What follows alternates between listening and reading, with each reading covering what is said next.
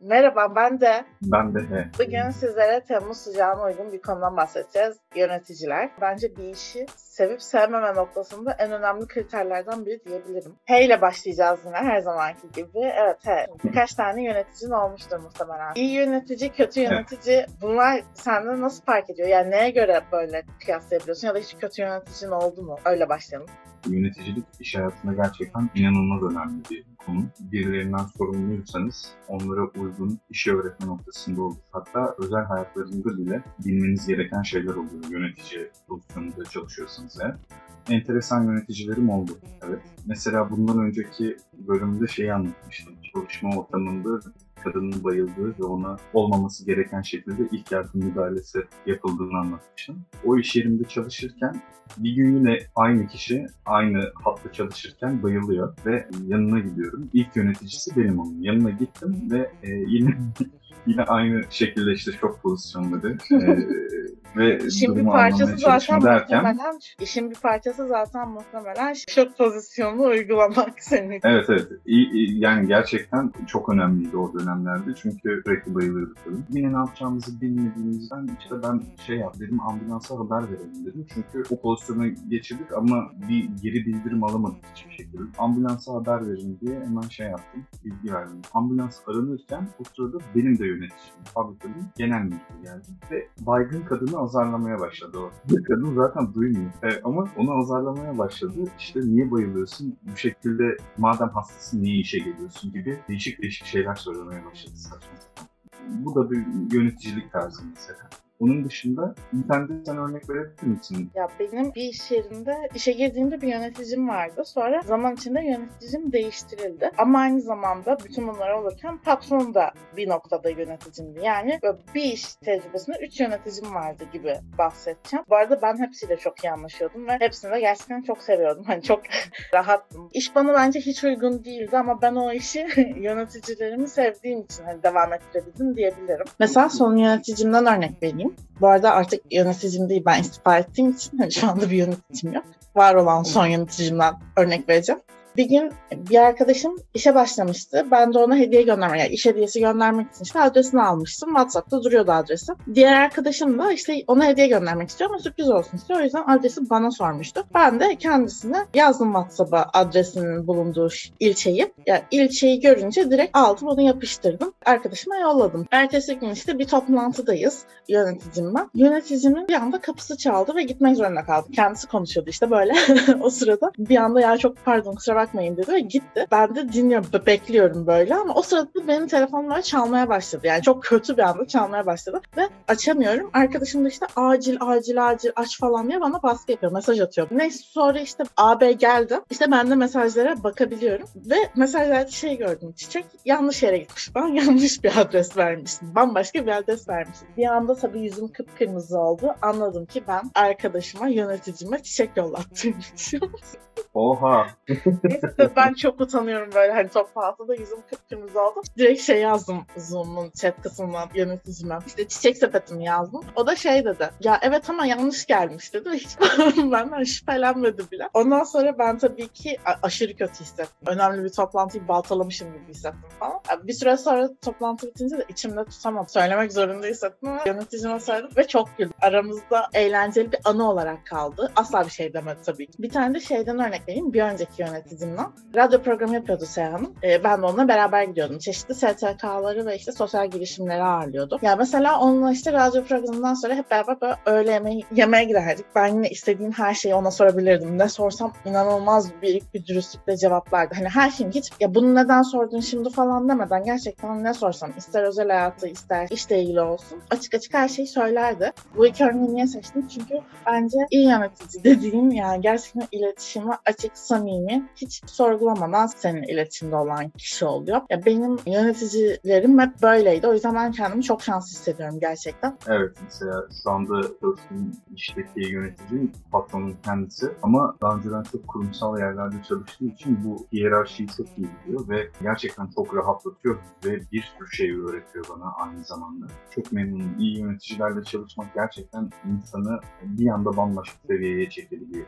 Gerçekten öyle. Ben şimdi gidiyorum abuk subuk bir soru soruyorum mesela. Oradan bir iş dersi alarak çıkıyorum. İyi yöneticilerin farkı büyük. Peki hiç yöneticiden azar işittin mi? Yöneticimden azar hiç işitmedim diye hatırlıyorum. Yani işittiysem zaten unutmazdım. Ben kesin ağlardım ve çok üzülürdüm. Sen, sen işittin galiba. Sen kesin işitmişsindir. Ben azar değil de küfür, küfür yedim. Yani şeyse Çok profesyonel. Gerçek profesyonellik budur. ne dedi? onu da aksilik olarak geçen bölümde anlatmıştım ya. O, Bu Moraran beyefendi. evet Nurhan Beyefendi patrondu. Bir de onun yardımcısı vardı işte. O sağ olsun bayağı bir küfür etmişti. Ağlama falan olmadı tabii ama insanın bir özgüveninde bir kırılma yaşanıyor. Ne dedi Kolay peki? değil. gerekirse, gerekirse keseriz ama ne dedi? Ee, yapacağınız muhtemelen burayı. Şahsına bir şey Hayır, benim. Peki yöneticinden ne bekliyorsun? Yani sence iyi bir yönetici sana ne vermeli? Ya iyi bir yönetici kesinlikle beni eğitmeli gözüyle bakıyorum ben. Çünkü şöyle bir durum var. Kariyer anlamında profesyonel hayatta iş değiştirme çok sık yaşadığınız bir bizim gibi çalışanlar. Ve gittiğiniz yerdeki yöneticinin size o işe bir an önce adapte olabilmeniz için ve o için nasıl söylenir böyle kilit noktalarını öğrenebilmeniz için o doğrultuda tecrübeli ve sizi eğitebilecek kapasitede olması gerekiyor. Şu anda öyle bir yöneticiyle çalıştığım için de kendimi şanslı hissediyorum. Yani burada yalakalık yapmaya tabii ki gerek yok. ya hayır bunu tabii ki dinlerse bir önce dinlerse çok büyük şeyler de ortaya çıkar. Ben yanlış sipariş verdim. Hala düzeltmedim. Yanlış siparişim. Onun için dinlememesini tercih ediyorum.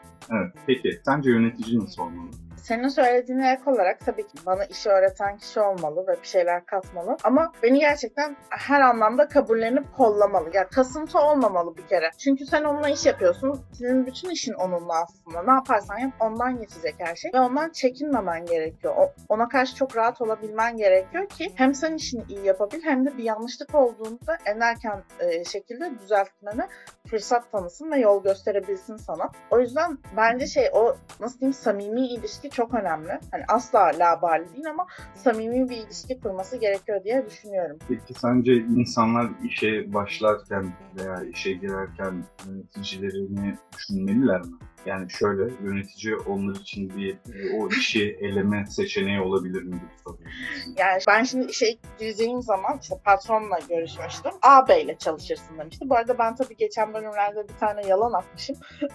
Benim profesyonel olarak işe başladığım ilk günüm aslında ben bir etkinliğe gitmiştim. Yani ofisteki ilk günümü anlatmışım orada. Ama aslında bir etkinliğe gitmiştim. Bir cuma günüydü. Orada da işte AB ile tanışacağım. Ama AB muhtemelen bilmiyorum belki ona hiç söylememişler benim onunla çalışacağımı. yani gittiğimde AB böyle bana bakıp "Hı, selam verip oralı bile olmamıştı. Ben demiştim ki bu adam benimle çalışmayacak eminim. Ya, mümkün değil ki bu adam benim yöneticim olsun. Asla beni istemiyor diye düşünmüştüm. Zaten sonrasında da işte S Hanım'la çalışmaya başlamıştım. Hani AB'li hiçbir işim olmamıştı. Ta ki birkaç ay sonraya kadar. Yani yöneticinin nasıl bir insan çıkacağını da bilemiyorsun. Ben şimdi S Hanım hatta ilk başta benden nefret ediyor. İşte hem A Bey hem de S Hanım benden nefret ediyor muhtemelen diye gidiyordum. Ondan sonra aslında ikisini de beni ya, muhtemelen seviyorlardı. Ya ben ikisini de sevdim ve ikisi de muhtemelen beni seviyorlardı. En azından ilişkimiz iyiydi yani. o yüzden ilk başta da insan yanılabiliyor bilmiyorum. Ben, ben hep ama benim işte yanıl yanılıyorum. Benim ilk intibalarım çok yanılgılarla dolu oluyor. Sen ne düşünüyorsun? Sen yani yöneticiye göre iş seçer misin? Ama yöneticini bilmiyorsun ki o sırada. Tanıyamıyorsun yani.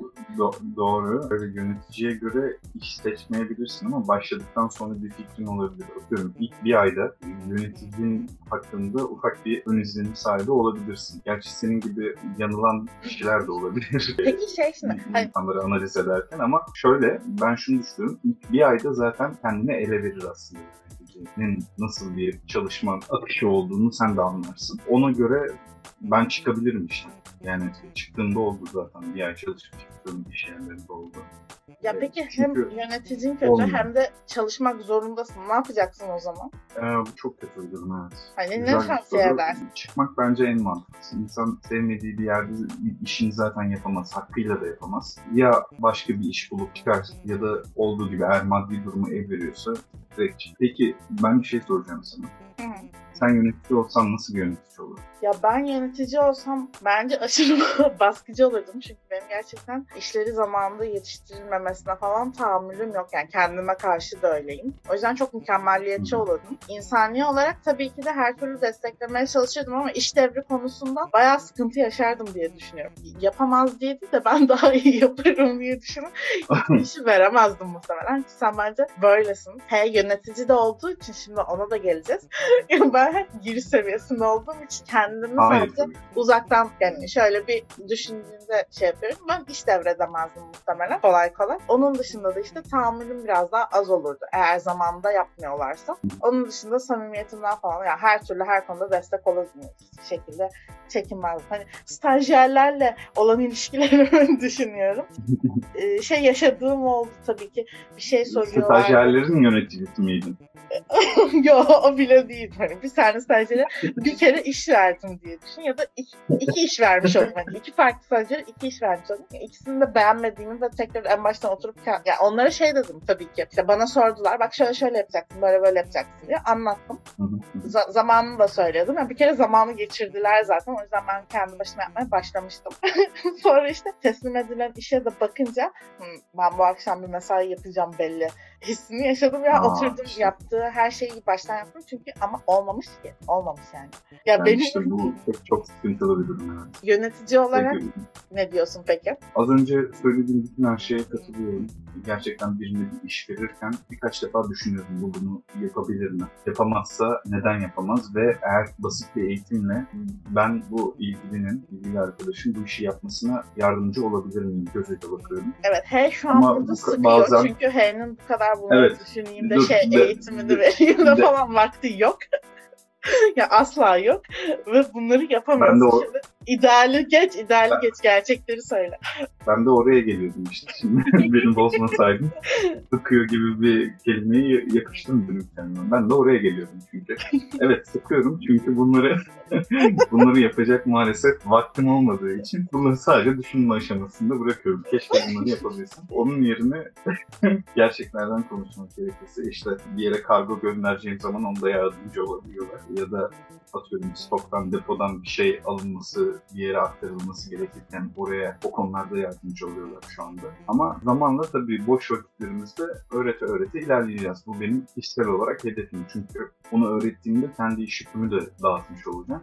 Bütün yöneticiler aynı için aynısı geçerli. Yani ne kadar işinizi dağıtabilirsiniz aslında e, o kadar daha verimli çalışırsınız. Bunu da acaba Bu- bu- kim söylemişti? Bunu Bu- Bunu da sana acaba Evet. sürekli kim tavsiye ediyor? Çünkü e, şunu Hı. belirteyim çünkü benim de yöneticim bana en başlarda çok fazla iş vermiyordu. Ve ben de verdiğinde yapabiliyordum ve onu rahatlattığını görüyordum. O yüzden ben böyle bazı günlerde işte ne yapabilirim, ne yapabilirim, ne yapabilirim diye soruyordum. Daha sonra tabii işler gelmeye başladı ama eğer H gibi bir yöneticiyle çalışıyorsanız gerçekten sizin talep etmeniz gerekebiliyor. evet, Ee, ama yaptığınızda da mutlu oluyorlar yani. ya da benim stajyerlere yaptığım gibi aa çok iyi olmuş deyip üstüne bambaşka şeyler de yapabiliyor olabilirler. Ama sanmıyorum o kadar vakitleri olmuyor. Çünkü gerçekten yaptığınızı bir noktada kullanmak zorunda kalıyorlar. O yüzden talep edin. Bence burada kritik nokta iyi yönetici, kötü yönetici fark etmez. Ee, işi biraz da aslında çalışanın talep etmesi gerekiyor. Yani mecburen o noktada kalıyoruz. Bu arada geri gelmişken şunu da söyleyeyim o zaman.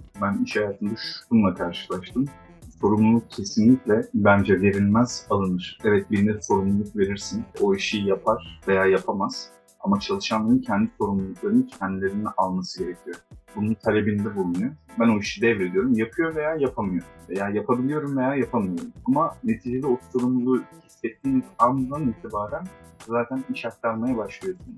Peki yöneticiyken başına gelen böyle, yani senin elemanınla yaşadığın zorluk ya da yöneticiler açısından da konuşmuş olalım. Senin için en zorlu şey neydi? Ya da garip. Ya şöyle bir garip olay yaşamıştım bir keresinde. Yine sağlık üzerinden geleceğim ama bir tane personelin yakınına kan vermesi gerekiyordu ve iş yerine yakın bir hastaneye gitti. Kan verdikten sonra işte sanırım fenalaştı. Beni aradı. Ben de arabayla yanına gidip e, alıp tekrar işe getirecektim onu. Bütün hastanenin önüne geldim. Arıyorum. Telefonları açmıyor. Aradım açmadı. İndim sonra hastanenin kapısına gittim ve kapıda yerde yatıyordu. Tam verdikten sonra sanırım biraz müşahede altında kaldıktan sonra kapıya kadar gelmiş ve orada dayanamamış yere yatmış. Çok saçma. Çok garip bir olaydı. Sonra tekrar alıp yine şok pozisyonu aldım ve işe getirmiştim. He, hep sağlıklı sınanıyor belli ki. Kendisine gerçekten kolaylıklar diliyoruz bu noktadan. Hediye almak istersek ilk yardım seti olsun, ilk yardım eğitimi olsun bu tip şeyleri düşüneceğim artık kendisi için. Bugün iş hayatının ayrılmaz ve çok önemli parçası olan yöneticilerden bahsettik. Dileriz yöneticilerinizle çok mutlu olup çalışanlarınıza da harika bir yönetici olursunuz. O zaman Ben he. bende de bir sonraki bölümde görüşmek üzere. Hoşçakalın. Hoşçakalın.